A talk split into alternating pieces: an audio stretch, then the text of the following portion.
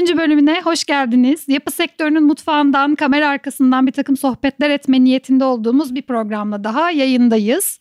İdris Bahadur burada bizimle. Merhabalar. Çok resmi açtım. Soyadı söyleyince şey oldum. Bir evet. Tripe girdi. Öyle, niye Evet. öyle girdim? Ama Tufan'a sadece Tufan diyeceğim. Merhaba Tufan Tufan, bizimle. burada. hoş geldin Tufan. Evet bugün bugün Sahra Cedid stüdyolarında değiliz. Ee, ben ev sahibi gibi davranıyorum, asla değilim. Bugün Akaretler Mesela. stüdyolarındayız. Yazlığa taşındık. Tu- Tufan'a geldik bugün. püfür püfür esiyor. Evet. Bu hafta biraz açıkçası yani konularımıza geçmeden önce, başlamadan önce bizim için biraz zorlu geçtiğinden bahsetmek istiyorum ben. Ee, esasen hep çok iyi bildiğimiz, içinde olduğumuz ve bu toplumda deneyimlediğimiz bir sorun olarak kadın cinayetleri konusunda yine canımız çok acıdı. Bu yara kendini tekrar tekrar hatırlatmaya devam ediyor maalesef. Ben bu konuda İstanbul Sözleşmesi'nin öneminin altını çizerek başlamak istiyorum. Ee, nedir bu İstanbul Sözleşmesi? Öncelikle buradan başlayacağım.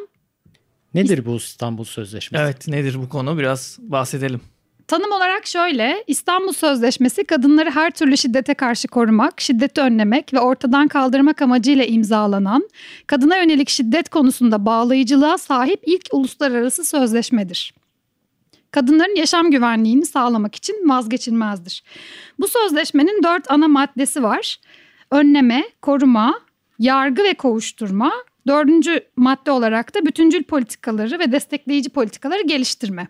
Bunlar nedir? Kısaca bu konuda kadın cinayetlerini e, durduracağız platformunun temsilcisi Gülsüm Kav'ın bir takım tanımları var. Çok kısa ondan bahsedeceğim. Sözleşme ilk olarak önleyici tedbirlerden söz ediyor. Şiddetin çıkmaya cesaret bulamayacağı bir toplum yaratın. Bu da eşitlikçi bir toplumdur. Toplumsal cinsiyet eşitliğini bütün topluma, eğitimler de dahil olmak üzere her türlü yolla yayın. İkincisi hemen böyle bir toplum yaratamayabilirsiniz. Şiddet eski ve köklü bir sorun diyerek anlayışlı davranıyor sözleşme imzacı devletlere.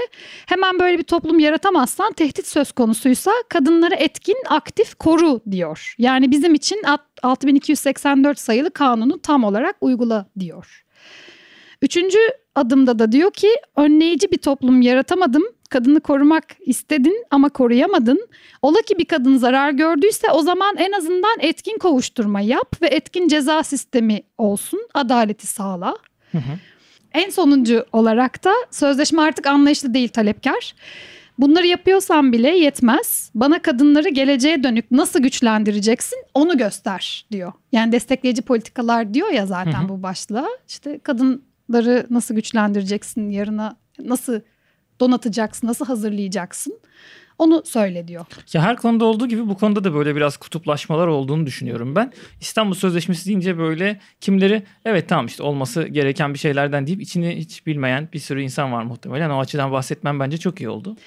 Ya aslında bu sözleşme upuzun yani o kadar farklı tarafları, o kadar farklı yani atıyorum LGBTİ plus bireylerden göçmen kadınlık problemine kadar neler neler hani bir sürü e, konulara değiniyor. Aslında çok uzun bir sözleşme. İşte Çok karşılığı- önemli, çok kıymetli. Kimse de gerçekten bundan çok haberdar olmayabilir. Doğru söylüyorsun. Ama bu belli konularda politize edildiği için karşı çıkıyor ya da kabul ediyor. Buna odaklanıyor. Asıl meseleye odaklanılmıyor Tabii tabii işte burada. şeye, şeye dönüyor işte referandum oldu ya işte Evet. başkanlığa geçilmeli mi geçilmemeli mi millet yani geçince ne olacak onun detayları ne sistemde ne değişiyordan ziyade acaba? Cumhurbaşkanı daha mı güçlü olacak ya da bizim Cumhurbaşkanı devam ediyor mu bizimki ya da onlarınki mi devam ediyor minvalinde kalıyor ve yine bir taraflılaştırılıyor. Şimdi sanki işte iktidar tarafı daha İstanbul Sözleşmesi'nin karşısında onun karşındakiler daha ötesinde gibi yani destekliyor gibi.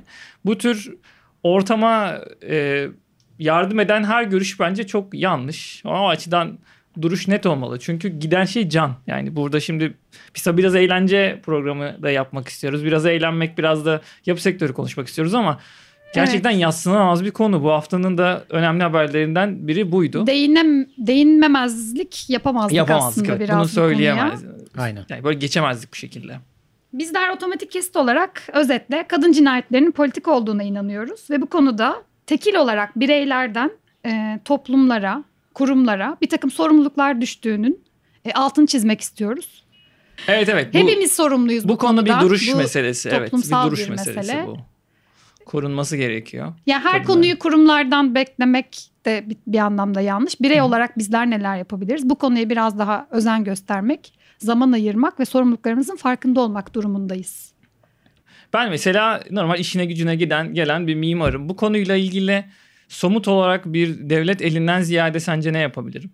Kadınları nasıl güçlendirebiliriz? Destekleyici olarak neler yapabiliriz? Mesela buna eğilebilirsin. Bu konuda kadınların e, bu sektörde istihdam edilmesiyle alakalı olarak nasıl Hı hı. adımlar atılabilir? Nasıl teşvik edilebilir? Ya da bizim sektörümüzde en azından kadın erkek anlamında yaşanan ayrımcılık nedir? Hangi alanlarda yaşanır ve bunu nasıl yok edebiliriz? Buna kafa yorabilirsin. Kendinden başlayabilirsin diyorsun yani. Kesinlikle öyle. Ben yapıyor Öncelikle muyum acaba? bunu. Böyle bir şey yapıyor muyum acaba? O kadın Tabii. diye önden öyle düşünüyor muyum? Ya da Buna erkek bir evet, bakabilirsin, buna bakabilirim. Yani doğuştan bana Evet. aşılanan kelimeler, sözler, hareketler hepimizde Evet, ona var. e, bakabilirim. doğru mu değil mi onu tekrardan bir düşünmek lazım. Çünkü çoğumuz bütün insanız yani. Doğuştan bize kodlanan şeyler aileden, çocukluktan, etrafımızdan neyse onunla basıp gidebiliyoruz bazen. Onu biraz hani değiştirmenin doğru olabileceğini, nasıl değişebileceğinin yöntemlerini aramakta fayda var. Çünkü herkesin aslında geçmişinde var yani. Herkesin bir Hepimizde var, bende de var, kadın olarak bende var haksızlığa yani. uğramış hepimizde. anne hikayesi herkeste vardır. O erkek kardeşlere kardeşlerin yanında okuyamamış ya da ne bileyim hakkını alamamış, miras olmuş bilmem ne. O anlamda dönüp baktığımızda aslında herkes az çok görüyor. Biraz geçmişine baksa bunu çözebilir. Kesinlikle öyle. Evet bu çok e, can sıkıcı bir cinayet haberi ile bu hafta başladı. O açıdan e, buna değinmek gerçekten gerekliydi. Bunun detaylarını cinayete bence hiç girilmemeli. Bunun karşısına tamamen durulmalı. Bu çünkü ilk değil, tek değil, son Evet, da olmayacak. yani Konumuz bu kesinlikle. olmamalı. Biz gerçekten bunu nasıl çözeceğiz? Buna odaklanmalıyız. Bu anlamda dediğiniz gibi kendinden başlamak gerekiyor. Evet Ee, şimdi ben başka bir gündem maddesine de geçeyim. Lütfen. Hadi bakalım. Ee, biraz daha genel artık e, geçelim dedik. Son bir ayda gelen bir haber bu. E, BIM Genius ekibi Türkiye BIM raporu yayınladı. Haziran'ın sonunda. Evet bununla ilgili Evet. düşünceniz var mı? Okudunuz BİM mu? raporu. Öncelikle bize BİM'den BİM? bahsetmek ister misin İdris? Ona girmedim. Dur dur. BIM raporuna baktınız mı hiç üstünden? Biraz evet baktım, inceledim. Çünkü eğlenceli bir rapor olmuş. Normalde raporlar sıkıcıdır ya. Grafikler var bol bol. Aynen, bol bol Ve grafik güzel var. kıyaslıyorsun aslında. Ve Mesela şöyle e, benim için BİM raporu sadece senden duyduğum bir şey. Sektörde bir sürü sosyal medyada arkadaşlarım var. Hmm. Kimsenin BİM raporundan benim çevremde mesela bana ulaşamadı. Bana bir kişiden ulaştı. Böyle bir durumu var BİM raporunun. Evet ki Doğru. düşünsen yapı sektöründe çalışan ben birisin BİM'le çalışan, yani. Ve 6-7 bir de- yıldır BİM'le çalışan ama işte topluluklara çok dahil olmayan sadece e, işimi sürdüren bir insanım. Belki o yüzden de ulaşmadı bana ama sonuçta yine de mimar, inşaat mühendisi, işte sistem mühendisi ne bileyim şantiyelerde yer alan yani yapı sektörünün içinden bir sürü insan var arkadaşım. Hiçbirinin de LinkedIn'inde BİM raporu diye bir şey yayınlandı. Aha da budur diye görmedim. Sadece İdris senden gördüm. Ya ben paylaşmaya çalışıyorum. Ee, BİM çünkü Genius'u takip ediyorsanız zaten onu görüyorsunuz. BİM Genius'u takip ediyorsan kesinlikle bunları görebilirsin. Zaten takip edilmeli. Ee, arkadaşlarımız var orada çalışan. Ya çalışan da çok kötü bir tanım oldu. çalışan değil. Buna çünkü bunun karşılığı yok. Sürdüren. Bir e, kar amacı gütmeyen bir topluluk orası. Çok güzel etkinlikler düzenliyorlar. Her ay bir defa düzenliyorlar. Ben birkaç tanesine katıldım. Gayet eğlenceli geçiyor ve bilgilendirici geçiyor aynı zamanda. Rapora gelince normalde NBS diye bir e, kuruluşu var İngiltere tarafında. E, Onlar genelde her sene yayınlıyorlardı. Ben de işte master sırasında biraz araştırırken görmüştüm. Çok hoşuma gitmişti yani. Adamlar kontrol ediyor ya kim ne yapıyor bu Denetlemek. bu metotla ilgili. Bu yeni bir metot BIM. Aynen. Kim ne yapıyor bunun neresinde ne tür sıkıntıları görüyor diye bu tür araştırmalar yapıyorlar. Her sene sunuyorlar bakın buyuz biz diye. Bence bu çok güzel. Aynaya bakmak gibi bu tür bir rapor. O açıdan bizde ilksel nitelik taşıyan bu raporu elden geldiğince yaymak lazım. O yüzden biz de gündemimize bunu getirelim dedik. NBS'in yaptığı bir rapor var. TheNBS.com diye bir sitesi var. Evet, Orada evet. işte tarihini biraz anlatıyor. Bunlar bu işin öncüsü galiba. BİM raporu denen şeyi yapan ilk e, Bu organizasyon anket mu bu? düzeninde ben ilk onlarda gördüm baktığım zaman. Yani McKinsey de bu tür araştırmalar yapıyor.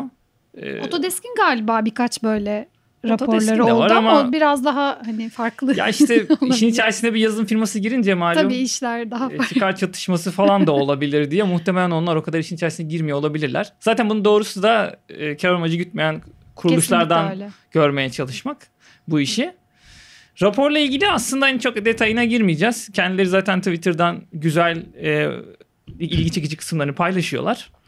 Ama, Bence ama ama nasıl bir şey yani National BIM işte bu e, pardon National Building Specification'mış buldum. E, Evet. Bu arkadaşlar herhalde 2011 gibi yapmış ilk bu işi ve her yıl Olabilir, yapıyorlarmış ve bu İngiltere için galiba. Evet, evet İngiltere'de Kingdom için. bin tane yapı sektörü profesyonelini çekiyorlar. Diyorlar ki bizim böyle bir araştırmamız var. Diyor ki mesela bu BIM metoduyla ilgili ne kadardır bu metotla çalışıyorsun? İşte firmanda ne kadardır firman buna geçti, buna çalışıyor? Gördüğün en büyük problem ne buna geçişte bu metotla çalışırken? Birebir bunun e, outline'ını takip eden bir rapor mu yaptı Türkiye? Yani mesela ana ba- alt Hayır, başlıklar, ana başlıklar olarak, olarak. bence birebir aynısını yaptıklarını ya da ne bileyim onu bir form olarak kendileri aldıklarını düşünmüyorum. Çünkü İbrahim Ut- Utku başyazıcı ilk başlatandı diye hatırlıyorum. Sonradan diğer isimler de katkıda bulundu. 2018'de galiba Autodesk University'de beraberdik sanki. Bir sunumda e, bunu göstermişti. Bu çalışmayı yaptığını. Zaten bu sonki raporda 2018 ve 2019'u kapsıyor. Evet. Hatta 2018-2019 verilerini birbirine göre karşılaştırıyor. İşte geçen sene kadroların eksikliği en büyük bariyerdir. Şaşırtıcı denmiş. konular var orada mesela. İşte bu sene azalmış ya da artmış gibi. Evet ya da hiç yokmuş 2018'de 2019'da birden ortaya çıkan bir Ha o şey ama soru yoktu 2018. mesela o da mı önemli? Öyle de soru o soruyu sormamış 2018'de. Yok çünkü Mesela. o veri. Ben Hmm. o şekilde hatırlıyorum bu arada. Bir yanlışımız olursa affetsinler. Yani bu rapor ne hangi bağlamlarda? Yani BIM raporu diye bir başlık duyunca benim aklıma 50 tane şey geliyor. Hı. BIM'in yazılım sadece yazılım kullanımı ve Türkiye'deki istihdamı mı sorgulanıyor yoksa BIM'in yasal olarak hangi projelerde kapsama dahil olduğu mu sorgulanıyor yoksa ne bileyim ne sorgulanıyor bunun içinde? Ya aslında e, outline'a bakınca daha net görülüyor.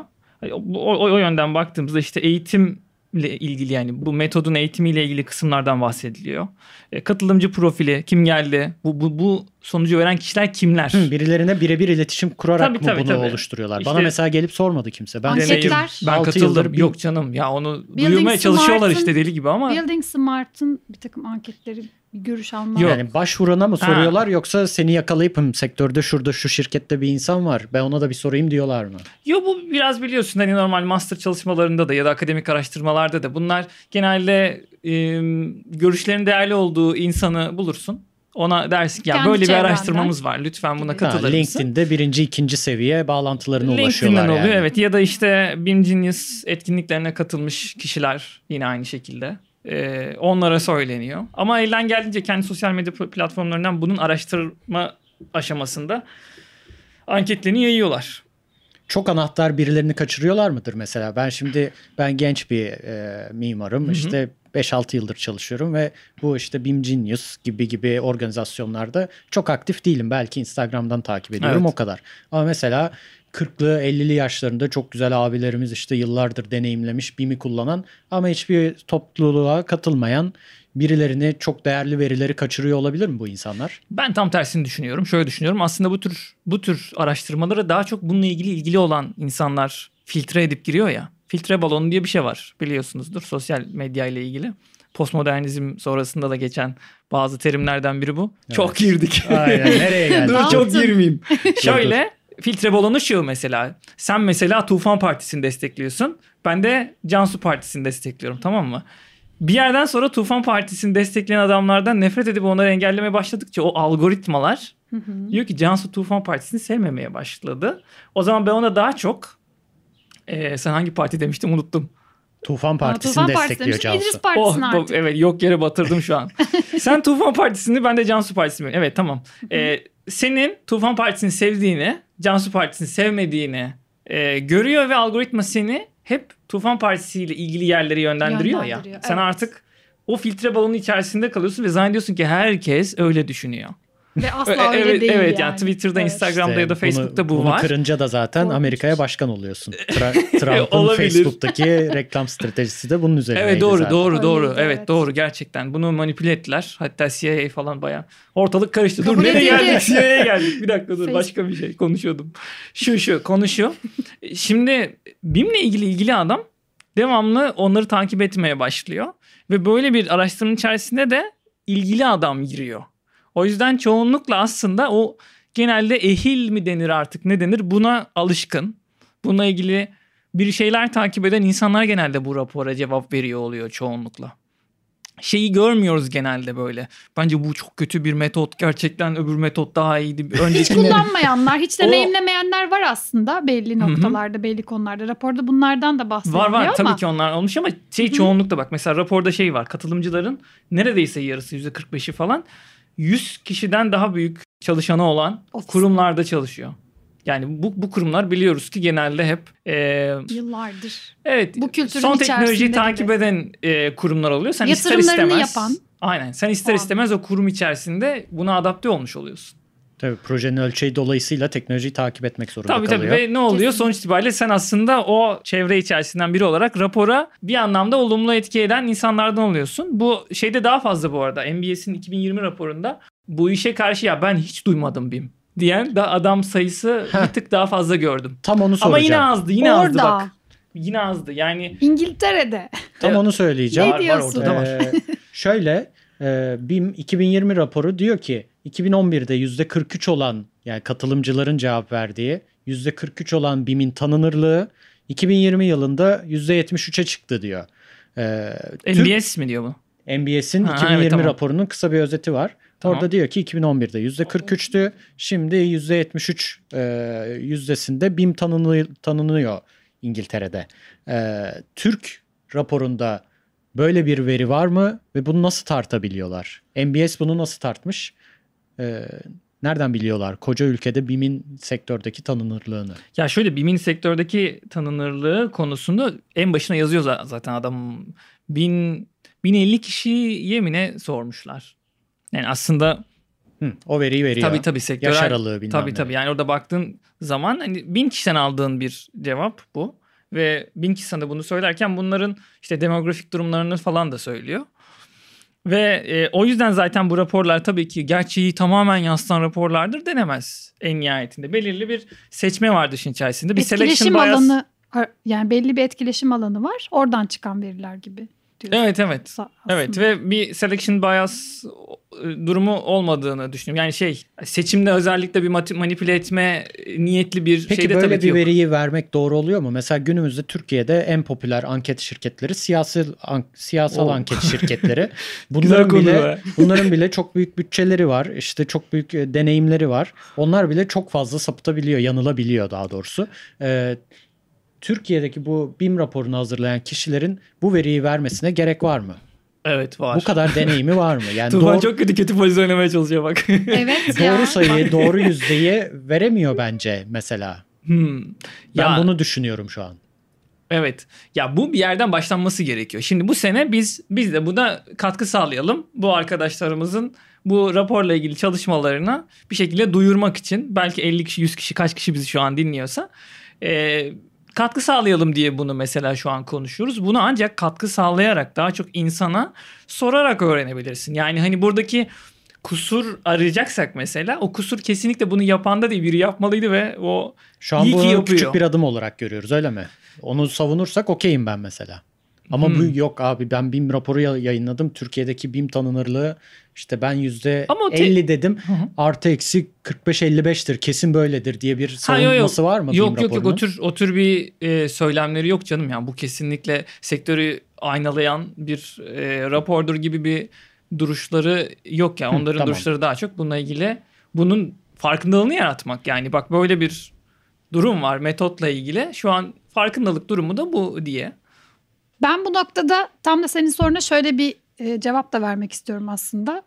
Yani BİM aslında bir nevi bilginin sürdürülebilirliğiyle ilgili bir konu ya. E, onu sürdürebilmen lazım. Bu tarz rapor yayınları ya da işte böyle denetleme yani bir nevi biz neler yaptık, ne kadar kimler ne kadar e, BİM'le ilgili bir şeyler üretti ya da üretemedi.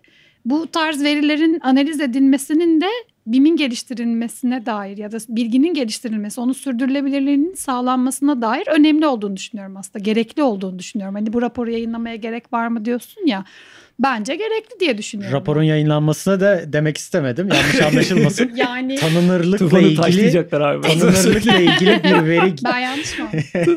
Tufanı benim söylemek istediğim şu tanınırlıkla ilgili bir veri girmek e, bence çok Hı, böyle anladım, biraz anladım. çok iddialı yani onu yapabilmek Hı. çok zor bir şey. Türkiye'nin her yerine ulaşıp doğru veriyi elde etmek daha doğru olur yani. Sen sadece işte ne 100 kişiden fazla atıyorum. Yani bunun açılımı ne demek? Enka'ya sordum işte. Ha, yo, yo, de- de- de- Rönesans'a demografik olarak sordum, gösteriyorlar bilmem ne, ama. Buradaki çalışanlara sordum. Burada tanınıyor mu so- diye bunu öğrendim demek gibi bir şey bunun açılımı.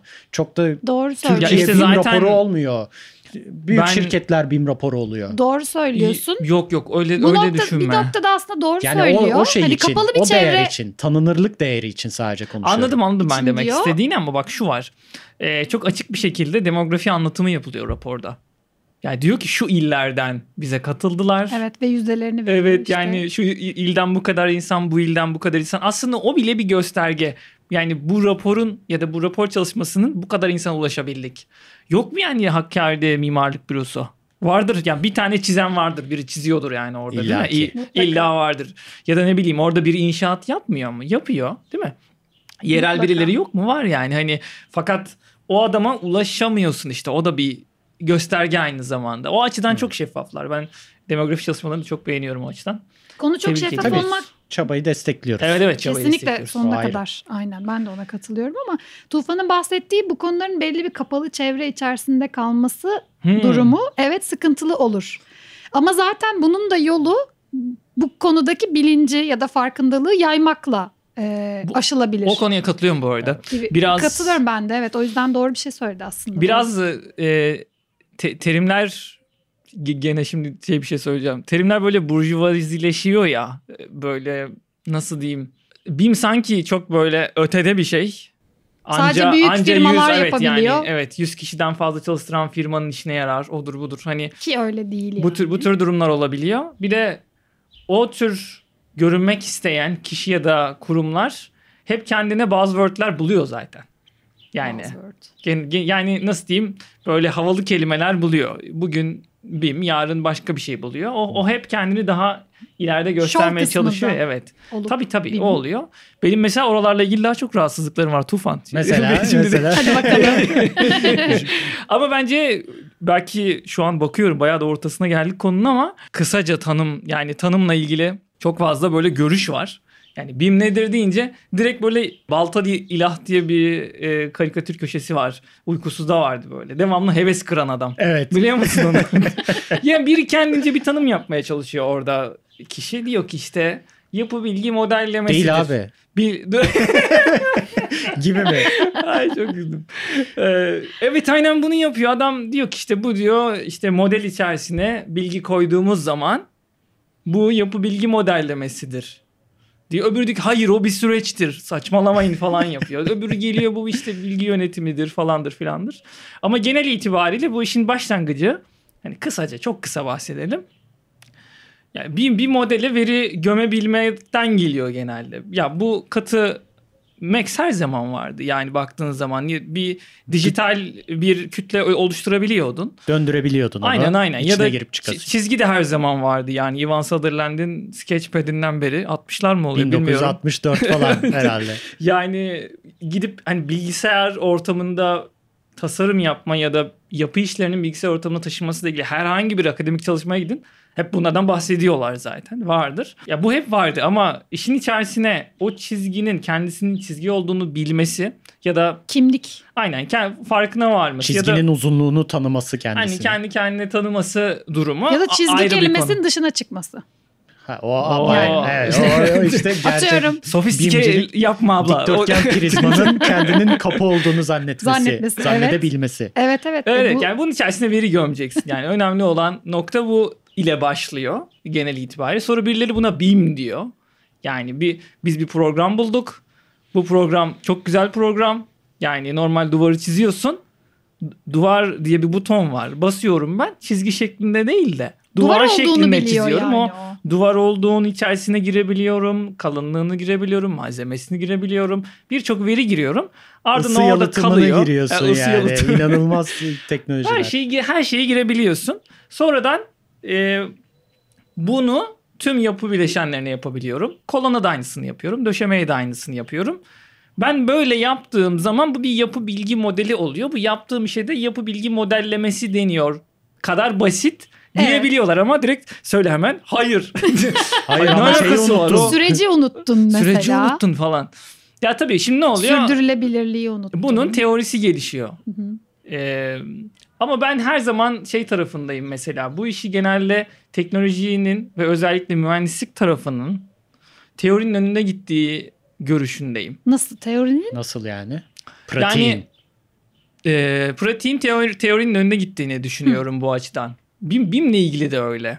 Yani atıyorum örnek veriyorum. Burada hiçbir zaman bir birçok aslında e, firma ve program ismi zikrediyor olacağız ama e, bu bir reklam amaçlı değil tabii ki ama en çok bilineni Revit. Raporda da geçiyor. Re- Revit kullanılıyor değil mi? En çok bilinen o. Ciddi Tabii bir. Revit, iki Architect, Archicad. Archicad, üç e, All Plan. O plan Başka da değişiyor. Var diğerleri sürü- çok düşük oranlı diye Bunlar ne programları? Bunlar otör diye geçen işte model üreten programlar bunlar. Bu modeli işleyen, yöneten ayrı ayrı programlar var. Çakıştıran programlar var. Ama asıl mesele tabii ki önce bunun üretilmesi olduğu için işin de biraz başlarından baktığında en değerli program üreten programlar oluyor çoğunlukla. O anlamda bu programın çıkışı ve geliştirilmesi teoriden daha değerli bir durum aslında. Ya da şöyle söyleyeyim bu programı ortaya çıkarabilen teknolojik altyapının gelişmesi. O bilgisayarların o kadar güçlenebilmesi, internet alt- altyapısının modellerin birbirine bağlanabilmesi vesaire vesaire aslında teoriyi destekleyen gelişmeler oluyor. Yani şu olmuyor genelde. Ben işte XYZ Üniversitesi hatta şey XYZ Teknik Üniversitesi'nde bir şey buldum ve 3 sene sonra sektörde bu program deli gibi kullanılıyor. Şimdi bu olmuyor genelde. Bu Çok zor. Ge- ge- sektör daha önde gidiyor. Ee, Ne bu bilmiyorum da ne yazık ki mi demeliyiz yoksa bu işin doğası mı demeliyiz onu bilemem ama Öyle oluyor. onu doğru. değerlendirecek derinlikte bilgim yok. Fakat e, hani dönüp baktığın zaman bu işin bence yazılımsal yazılımsal demeyeyim teknolojik değeri teorik değerinden daha fazla. Çünkü paradigmayı genelde onlar kaydırıyor. Çünkü araçlar onlar. Yani bir şeyi uygulayacaksan, bir Evet. BİM'i uygulayacaksan bir takım araçlarının e, o anlamda doğru gelişebilmiş olması lazım. Onları doğru yerlerde, doğru zamanlarda kullanabilmen lazım. O yüzden aslında teknolojiyle çok alakalı. Tabii tabii. Tabii şimdi biraz tanıma niyetlendik çok gene detaya İhtiyaçla girdik. Hı. etkileşimli gidiyor çünkü direkt geri bildirim alıyor o yazılım Evet. firması büyük firmalardan işin Doğru. içindeki insanlardan. E, Üniversitedeki belki biraz daha deneysel takılıyor başka şeyler deniyor ama birebir de ihtiyacı karşılayacak şekilde güncelleme geldikçe dediğin gibi önde gitme konusu oradan çıkıyor herhalde. Ya aslında biraz geçmişte de var ya bu mühendislerin mimarlara biraz çalım atması konusu Crystal Palace meselesi vardır. 19. yüzyıl sonunda galiba ilk fuar binası. Crystal Palace o Biliyorum, zamanlar evet. 1800 Hatırlı- 20. Kaçtı yüzyılın ya? başları ya da Yok çok o- 19. yüzyılın sonları mı? Evet evet evet. Expo muhabbeti. Aynen ilk Öyle ilk bir şey fuar 19. yüzyılın bir mühendislik yapısı. Çelik Evet. kullanıyorlar deli gibi köprülerde Cam, inşaat çelik. mühendisleri coşuyor gidiyor mimarlar hala. Şuna işte beton örmeyi daha hani Süslemelerle daha Evet, çok evet, uğraşıyorlar. Çok bu. böyle açıklık geçeyim vesaire kendimize gibi. de çarpmayalım şimdi taşlamasınlar mimarlar bizi. Ama e, böyle bir durum oluyor mühendisler e, önüne geçiyor genelde teknik an metottan ötürü geçiyor aslında. Yani o metot sayesinde daha estetik ya da daha hızlı ya da daha kaliteli yapı üretebiliyorlar. Şimdi buna benzer durum öyle biraz gelişti. Daha mühendisleşen mimarlar biraz BİM tarafına kaydı ya. Çünkü bir sistem BİM dediğin şey Çok Ee, ve o mühendislik bilgisini de ya da o analitik e, bakış açısını gerektiriyor. Evet, Bu evet. sebeple de biraz belki mühendisliğe Onlar biraz daha buna geçti. olabilir. Ben aslında başka bir şey sormak istiyorum. Çok mu acaba bu metot üzerinde fazla konuşuluyor? Ben mesela biraz onun rahatsızlığındayım. Ya metot işte bu. Yani bu metodu yücelteceğiz diye işten biraz sanki kopuyoruz. Çoğu zaman bunu görüyorum. Yani çok Doğru. kötü çık iş çıkmış ya da ne bileyim süreci düzgün yönetilmemiş. Ama orada metot övgüsü var hala. Ya bir yandan bu teknolojiyi yakalama çabasından kişilerin kendi hırsından dolayı mı kaynaklanıyor diyorsun? Nasıl? Yok şöyle ben çok iyi Revit kullanıyorum mesela. Süper Tamam. Revit kullanıyorum. Yani program kullanıyorum diyelim burada. Çünkü yapı sektöründen olmayan insanlar da bizi dinliyor. Ee, çok güzel mimarlık programı kullanıyorum. Ama parke ile ilgili çok bilgili değilim. Yani o parke döşemesinin altına hangi katmanı koymam gerekiyor Bilmiyorum. bilmiyorum. Acaba bu noktada mı uzmanlaşma devreye giriyor? Yok Yani be, herkes bence kendi bir konusuna mimar baksın zemin- falan mı oluyor acaba? Çünkü Yok, yok işte ya. bu da çok sıkıntılı bir durum o yüzden onu söylemeye çalışıyorum. O zaman sen bunu nasıl çizeceğimize bak ben de onu nasıl uygulayacağımıza bakayım falan. Bu nokta bence çok sıkıntılı işte buna dönüşüyor. Şu an bence sektörde böyle bir şey var. Hmm. Yani e, o bahsettiğin sebepten ötürü belki de. Ha anladım şey olamıyor. Ee, kimileri böyle çok parametrik çok- işlere iyi girişiyor. Yok yok metoda çok takılıp asıl meseleyi kaçırıyoruz diyorsun ya. Asıl mesele belki de biz gerçekten bina inşa ediyoruz. Hı hı, ve evet. e, onu böyle bir takım sistemler bütünü Hı hı. ve onu her noktasında her konuda bir doğru bir şekilde çözebilmen lazım. Bu aynı zamanda bir problem. Çözülmesi gereken bir Evet. problem. Evet. Bunu çözmek için sen metoduna çok odaklanırsan belki de gerçekten o parkenin işte köşesindeki detayı bilmem neyi e, olması gerektiği gibi yapamıyorsun ya da yapamayacaksın. Yo, onu demek Konuya çok aslında. odaklanmak işte bu noktada bence uzmanlıklar işte sen bunu yaptı sen bundan sorumlu ol da sen de bunu çiz falan oluyor. Onu demiyorum aslında. Şunu bence diyorum. bu çok sıkıntılı. Mesela Alevcan Sovalı bugün bir mimar ve mimarlık ofisinde projelendirme yapıyor. Senin şu an için kendi pozisyonda bilmen gereken işte bina sistemi bilmen lazım. İşte iklimlendirme biraz bilmen Evet. lazım. Yapı malzemesi bilmen lazım. Evet. Bu bina nasıl taşınır bilmen lazım. Bir de bunlara ek olarak bunu daha güncel, daha verimli projelendirme metodu Bunu ya da yapım lazım. metodu olan işte BİM'i de bilmen lazım. Ama Evet. bu BİM o kadar parlatılıyor ki be- Doğru. belli bir yerde. Artık gerisi çok önemli değilmiş. gibi gö- gösteriliyor Olabiliyor yani. bazen. Ki çok Evet. yanlış. Sonra o kişiler normal kendi melekelerini bir yere koyup mimari melekelerini ya da ne bileyim mesleki melekelerini. gene meleke ya. geldi. Ee, bu işin danışmanlığı ya da sadece bu title peşinde koşmaya çalışıyorlar. O işte bana çok bir sıkıntılı menajer geliyor. olmaya çalışıyorlar sadece. Halbuki Bunlar bağımsız olmamalı, olamaz Ha, gibi gerçek, geliyor bana gerçekten da. Türkiye'de kaç firmanın bir menajere ihtiyacı var gibi çok detaylı bir soru soracağım. Halbuki az önce bir tanımını yaptık. Yani Evet. binmece Şu yani an- şey bölünme sadece bin Şu an manager bilgisayar mühendisi arkadaşlarım kaçtı. ne diyorlar bunlar diye. Evet bir manager demeyelim. Diğerine dönelim. Evet buyur. Özür dilerim. Ha, sadece Onu başka bir Yaparız evet. bölümde bence detaylı konuşalım. Şu an çok detaylı bir şey konuşacağız. Kaçın falan deyip.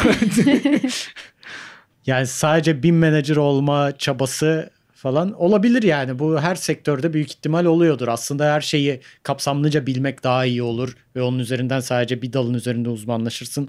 Diğerleri de arkandan gelir. Ee, ama bu işte biraz da çalışanın kalitesini ortaya çıkaran bir şey yani kapasitesini ortaya çıkaran bir şey.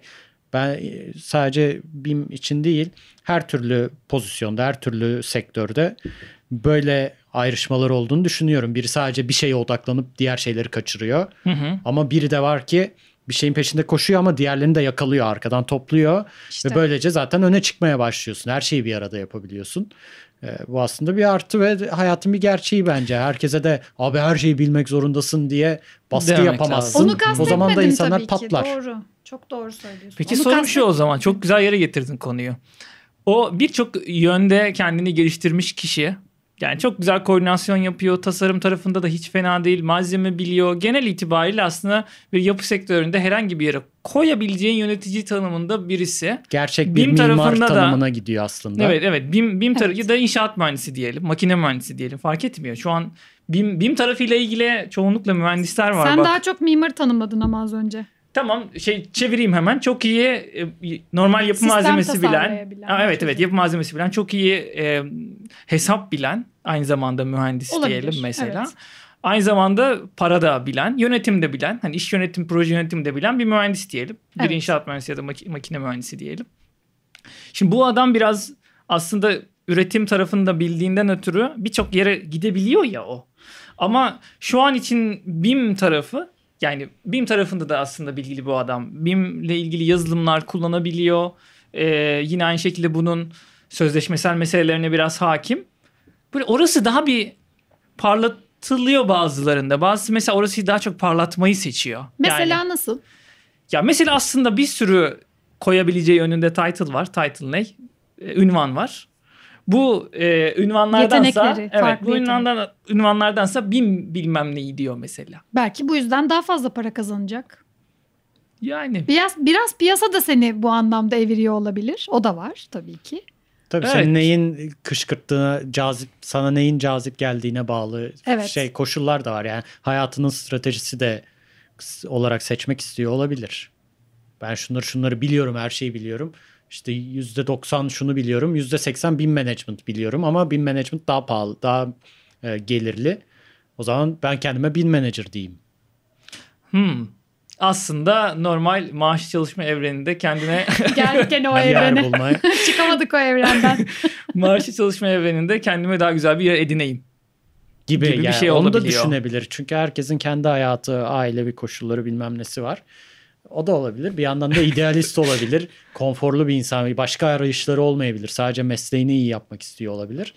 Ee, güzel bir pozisyonda saygı duyulmayı çok isteyebilir. O zaman da işte sizin dediğiniz gibi daha kapsamlı, daha faydalı nasıl olurum falan onun üzerine gidebilir. Bence temelde konu aslında günceli takip etmek ya. Bizim mesleğimizde özellikle ve bizim sektörümüzde günceli yakalayabilmek, takip Zira edebilmek gü- inanılmaz önemli. Güncel çok az çünkü. Yani düşününce hani baktığın zaman yenilik çok yavaş geliyor bence. Diğer örneğin bir yazılım sektörüne göre örneğin yani direkt hani dönüp baktığın zaman sanayi tarafına şuraya buraya biz çok daha çok daha yavaş hala kalıp çakıyoruz değil mi? Yani hala aynı yöntemlerle. Klasik şey vardır BIM deyince tablolar paylaşılır hep. Malum tablolar vardır böyle. Bir BIM sunumu e, izlediyseniz hazırdır onlar birbirinden Nedir? geçer. Mesela Common Data Environment'ın tablosu gibi Ha, ya şey tablolar vardır ya böyle bir bina böyle daha konsept sonra cepheleri yapıldı sonra işte Bir anda üç boyutlu Ha, model yanına- çıktı. ş- Gerçekçi renderlar çıktı. Her şey aynı anda bir anda oldu böyle otomatik. yo yo şey var böyle çember var ya BIM life cycle falan Mesela, diye anlatıyorlar. evet. O normal binanın aşamaları oluyor. Yanında işte konteynerlar falan geliyor. Hani yapıldı. Sonra yerine koyuluyor. Sonra yıkılıyor. Bir kenara atılıyor falan. Hani o döngüyü anlatıyor. Evet. Ortaya da BIM yazıyorlar. Evet. BIM işte falan gibi. bu bu biraz Her şeyin çözümü ya. Bir, şey istemiyor öyle tabii. anlat- Adam şimdi o sırada anlatacak. sunacak o sırada. Diyecek ki şudur budur diyecek. Bak her zaman bu model kullanılacak. Amacı o aslında anlatırken diyecek ki sen konsepti bir model yaptın. Bunu daha detaylandırdın. İşte ruhsat projesini verdin. O artık ruhsat verilerini içine aldı. Ardından uygulama tarafına girdi. Uygulama verilerini aldı. Geldi bir işte bunu adam e, sahada yapacak kişi yeni bir şey yaptı. O yeni veriyi de içine soktu. Bunu kullanacak yapı işletmecisi bilmiyorum kim yapıyor şu an ama bence onu da bir ara konuşmak istiyorum. Lütfen Bu konuşalım. arada Bence yapan 7 ben. D BIM, 10 D BIM yetmez falan diye. 13 D'si çıktı. Bunlar çok önemli.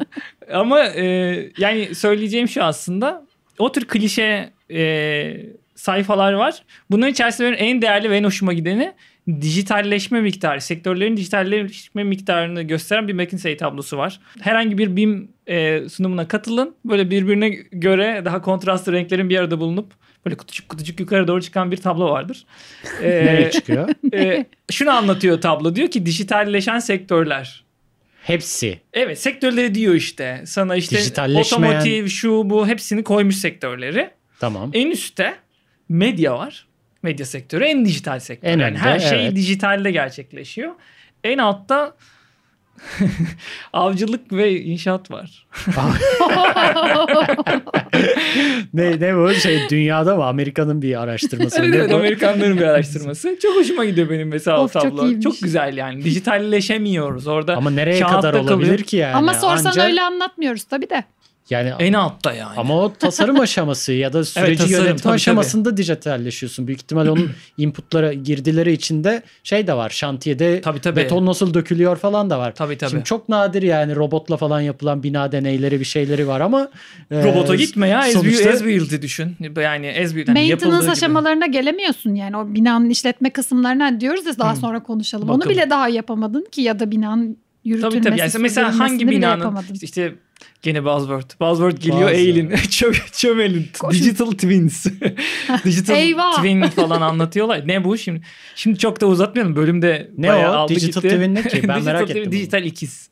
Amaç yani bunu tabii çok böyle altı derin derin bir sürü tartışmaları var. Büyük bir konu bu da. E, Bunu aslında başka bir bölümde direkt böyle e, ne derler teknoloji trendleri yani ya- yapı sektöründeki trendler var. Bazı Evet. kelimeler, bazı amcalar ablalar var. Onlar çok seviyorlar böyle. Bunları Bayılıyor. Savuruyor böyle. IoT oradan geliyor buradan Digital Twins falan filan. Ah, gel. Yani müthiş gene hakem kestiğimiz anlar.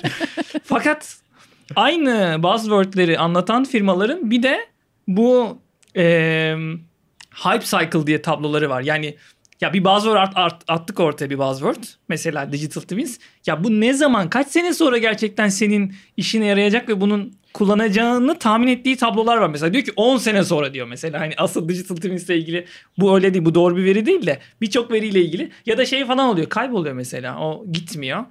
Hype cycle'lar mesela hiç paylaşılmıyor. En, en, en fazla şey hep böyle buzzword savruluyor. Şey döneyim Digital Twins ile ilgili. Binanın dijital kopyasının bir dijital evrende bulunması ve senin bunu kullanman. X ya da Y sebeple önemli değil yani. Hani kendi evini uzaktan yöneteceğin gibi düşünme. Daha daha büyük düşün yani. Yo tabii çok sonra hani 100 yıl sonra restore edeceğim ben bu binayı. Aha bir tane Revit 2012 dosyası ha, var. Modeli bunun. varmış bunun. Ya o, o bile çok şey yani. Şeyler konuşuluyor genelde. Şey, kent planlamasında falan çok konuşuluyor bu. İşte bir afet durumundaki simülasyon, simülasyonlar Cansu. Oo bayılırız. Seversin. genelde simülasyon öğesi olarak kullanma. Yani bir sende kopya olsun dijital olarak sen bunu çok şey kullanırsın. Güvenlik için kullanırsın. Aklına gelen birçok şey için kullanırsın da. Ya oradan veri almak, konfor verileri almak şu bu. Ama e, diyeceğim şu. Mesela o taraf hiç yok normalde. No, bizim binayı yaptın. Hatta yaparken bile dijitalleşme kopuyor ya bitiyor. Aslında biraz galiba o etki ediyor tabloya. Doğru bence de bitiyor. Üzerine yani tasarım oynanıyor. aşamasında kullandın. Onu belli bir aşamaya getirdin. Bir noktadan sonra bitiyor. O yüzden belki tabloda eksi 0.1'e düşüyoruz. Tamam peki bu BIM dediğimiz şey Türkiye'de e, yasal anlamda nerelerde kullanılıyor veya kullanılmak zorunda? Buna dair de bir şeyler söyleyelim. Ha evet öyle. İBB'nin metro e, projeleriyle ilgili daha doğrusu bakanlığın da diyebiliriz. E, altyapı projelerinde yani metro projelerinde, hastane projelerinde, havalimanı projelerinde zorunlu tutuluyor. Zaten İngiltere'de de bu şekilde başladı malum. İngiltere'de O- zaten herhalde Evet. tüm kamusal yapılar için Evet, o 2020 şekilde. veya 2015 mi Yo, yo, ikisinden 16 biri itibariyle. Zorunlu oldu. Sen BIM bilmiyorsan bu işi yapamayacaksın diyorlar. Türkiye'de de herhalde artık kamusal binalar, devlet Bu hastaneleri, koşul aranıyor. Yani. Model- havaalanları, aynen, model 3. bazlı. havalimanı mesela full BIM'le yapıldı. BIM bilmiyorsan Evet işin öyle biraz deniyor. zor. Acaba haberiyle- diyeceğim ben. Haberiyle deniyor. Burada Şimdi- herhalde şüpheler var. Bunu belki başka bir zaman değinmiş Yok, oluruz. ben şöyle şöyle diyelim. Yani dünyanın en büyük yapılarından biri. Ee, organizasyonu çok zor. İnanılmaz insanın emeği var. Ben işin böyle politik siyasi tarafını bir kenara atarak Tabii ki. ve aynı zamanda yapılan e, yapılan sunumları da bir kenara atarak yani böyle şovlar falan da yapılıyor ya inanılmaz şeyler başarıyoruz falan. Onları da bir kenara atarak şunu diyebilirim. Bu kadar büyük bir yapıda böyle bir şeyin niyetlenmesi güzel bir şey yani. İyi, iyi bir Kağıt üstünde olması bile Tabii Olumlu, tabii, tabii. İyi. kesinlikle ol- olumlu. olumlu. Bu ne kadar işte doğru başarılmıştır. Zaten o e, baltalı ilahlar oraya da giriyor yani. Abi şimdi onlar yaptılar ama 4D yapmadılar. Bilmem ne de yapma. ya da ne bileyim işte el oyunu bilmem kaç model Senin daha kullanmışlar. önünde bir şey diyen bir büyük bir kitle var değil mi? BIM ne abi ya biz bunu yaparız yıllardır AutoCAD'le elimizde yapıyoruz diyen bir kitle Of. var. Ona rağmen sen bir de kendi Evet, içinde bölmeye çalışıyorsun. Bunu yapmayalım yani. Biraz BIM'i Evet, savunalım, biraz. destekleyelim, toparlayalım. Zaten bir şeyin muhalifleriyle savaşmanın en büyük götürüsü de bu kendi ekibindeki şeylerin saçma sapan sebeplerle etrafı bölmeye çalışması. Bunu yapmayalım. Bir bütün olup BIM'i desteklemeye devam edelim. Bu iyi bir şey. Bütün İngiltere kullanıyor. Dünyanın belki de en medeni ülkesi bunu destekliyor. Evet. Ee, biz de bunu desteklemenin yolunu bulalım. O anlamda biz de kendimizle ilgili biz şunu e, düşünmüştük. En başta bu programı yaparken bu programı yaparken aslında BİM, BİM'le ilgili bir program yapma ya da BİM'le ilgili bir topluluk yapma iştahı birçok insanda var. Biraz bu konuya başlayanlarda. Popülariteyle alakalı diyorsun sen belki. Bilmiyorum ama e, Çok, çok bölünmek sebebi. iyi bir şey değil aslında bu anlamda. Çünkü bence iyi topluluklar var. O anlamda burada konuyu belki programın sonlarına doğru BİMci Nisa da getirerek. Hani Öyle aslında bir- açsın öyle kapatıyorsun. Öyle kapatayım evet. Çünkü sevdiğim insanlar. Aslında bir bir şey bekleniyorsa o toplulukların şu an var olan topluluklar hali hazırda zaten çok çalışma yapıyor. Gidip orada kendinizle ilgili ya ben bu işe ilgi duyuyorum. BİM'le ilgili bir şeyler öğreneyim. Birilerine bulaşayım diyorsanız aslında birçok topluluk var. İsimlerini söylemediklerimizi bizi affetsinler. Ama bu tür topluluklara gidebilirler. Birçok şey öğrenebilirler. Herhangi yapı sektörü çalışanı bence bir şey kendine bulur orada öğrenecek. Bu metodun en nihayetinde normalleşeceğini ve günün birinde 5 yıl, 10 yıl, 1 yıl, 3 yıl neyse artık normalleşmesi gerektiğini, bunun bir metot olduğunu düşünüp aslında üzerine böyle çok çok BİM konuşma, BİM BİM BİM diye konuşmanın çok doğru olmadığını düşünüyorum. Bana çünkü soran oldu arkadaşlarımdan. Ya neden BİM değil? O kadar işte konuşuyorsun, çalışıyorsunuz. Siz de öyle. Cansu da öyle. Tufan da öyle. Siz de o şekilde ama tutup da BİM üzerine program kaç program yapabilirsin ki? Metot sonuçta. Bir yani. noktada biter canım. Evet, Üç yani bölüm, iki hani- bölüm. O yüzden biraz böyle bahsetmek istedik. Ben şimdi yavaştan programı kapatayım istiyorum ama bir taraftan Tufan'ın az önce söylediği en medeni, en işte büyük İngiltere. İngiltere falan dedi. Ben bir oraya takıldım Ama kaldım. ben şey anlamda öncü sonuçta adamlar MBS'i yapmışlar. Yap, yani sektördeki BIM üzerine öncü bir şey Ya yapıyorlar. sadece MBS'i de üstünde demeyelim. Şey yani diyelim. İngiltere'yi en medeni diye övmek istemedim. Yo ben yo e, me- me- medeni noktada. medeni demek istemedi o şu anlamda. Ben Bir kendimi savunsaydım kardeşim. Tufan senin avukatınım. İdris avukatım Yok, anlat yok. ne dedim ben? Konuşuyoruz ediyoruz sonuçta biraz e, İngiliz tarafı Anglo-Sakson falan o, o tarafın e, şöyle bir temeli var bence. E, en çok standart çalışması o tarafta ya. Yani başta e, 1192 numara koduyla başlayan birçok doküman yayınladılar. PAS. 2007 PAS, Public PAS? Access bilmem ne. Şimdi hatırlayamadım orasını. Bunları halka açık paperlar olarak yaptılar. Ardından işte 2018'in sonunda ilk ISO 19650 geldi. BIM standardı. Şimdi Türk Türkçe'ye de çevriliyor. Uluslararası anlamda Aynen, olan. uluslararası. Çok fazla BİM standardı var aslında. ISO'nun Yo, yo. farkı biraz daha Standart dediğin zaman ISO, İzotek. evet öyle. O yüzden İngilizleri şimdi benim demek öğrenebiliriz. istediğim Evet. şey değildi. Okey. Ben şunu demek istemedim yani. En sosyal anlamda, siyasi anlamda en medeni ülke İngiltere'dir Güzel. demek istemedim. Çocuğa BİM anlamında. BİM anlamında adamlar öncü olmuşlar. MBS'i Açıklama 2011'de yapma yazdı. ihtiyacı. BİM raporunu 2011'de yazmışlar. Türkiye'de 2020'de yazılıyor. 9 yıl geriden gelmişsin Evet, yani. bilinç Onu demek diyor istedim. adam. Bilinç bilinç. Onu kabul Hocam ediyorum. insanın kendinde olacak diyor. O orayı kabul ediyorum. Tamam. okey. O zaman biz yavaştan kapatalım. Bu hafta biraz teknik konulardan bahsettik. Bizleri yine Spotify'dan, Apple Podcast'ten, YouTube'dan dinleyebilirsiniz. Ee, Instagram hesabımız var, takip edebilirsiniz. Hatta Twitter'da da. Evet Twitter'da da varız. E, otomatikestet.gmail.com'a e, bu anlamda deneyimlerinizi e, gönderebilirsiniz, mail atabilirsiniz. Biz aslında bu hafta bir soru sormak istiyoruz. Ne sormak istiyoruz? Ne sormak istiyoruz? Sormak istemiyor Konu- muyuz? Soralım. Bir şey konuştuk ve soruyorum unuttum ya. ben. Sen, sen evet sor. Biraz aslında bizi dinleyen arkadaşların ben bu anlamdaki deneyimlerini merak ediyorum. Yani BİM'le Hmm. ilk karşılaşma ya da BİM'i deneyimleme. İşte şunları yaşadık, bunları yaşadık, şöyle oldu, böyle oldu. Biraz o raporun aslında kendilerince anlamı nedir? Bunu Hmm. merak ediyorum ben. Programı bir Bu köşesi lazım aslında. Güzel. Sanki lazım Kenarda ben yaparız. merak ediyorum aslında Sonuçta görüşleri. Eğer desteklemek olursa, istiyoruz. olursa bize bu anlamda hani bizimle iletişime geçerlerse çok mutlu oluruz.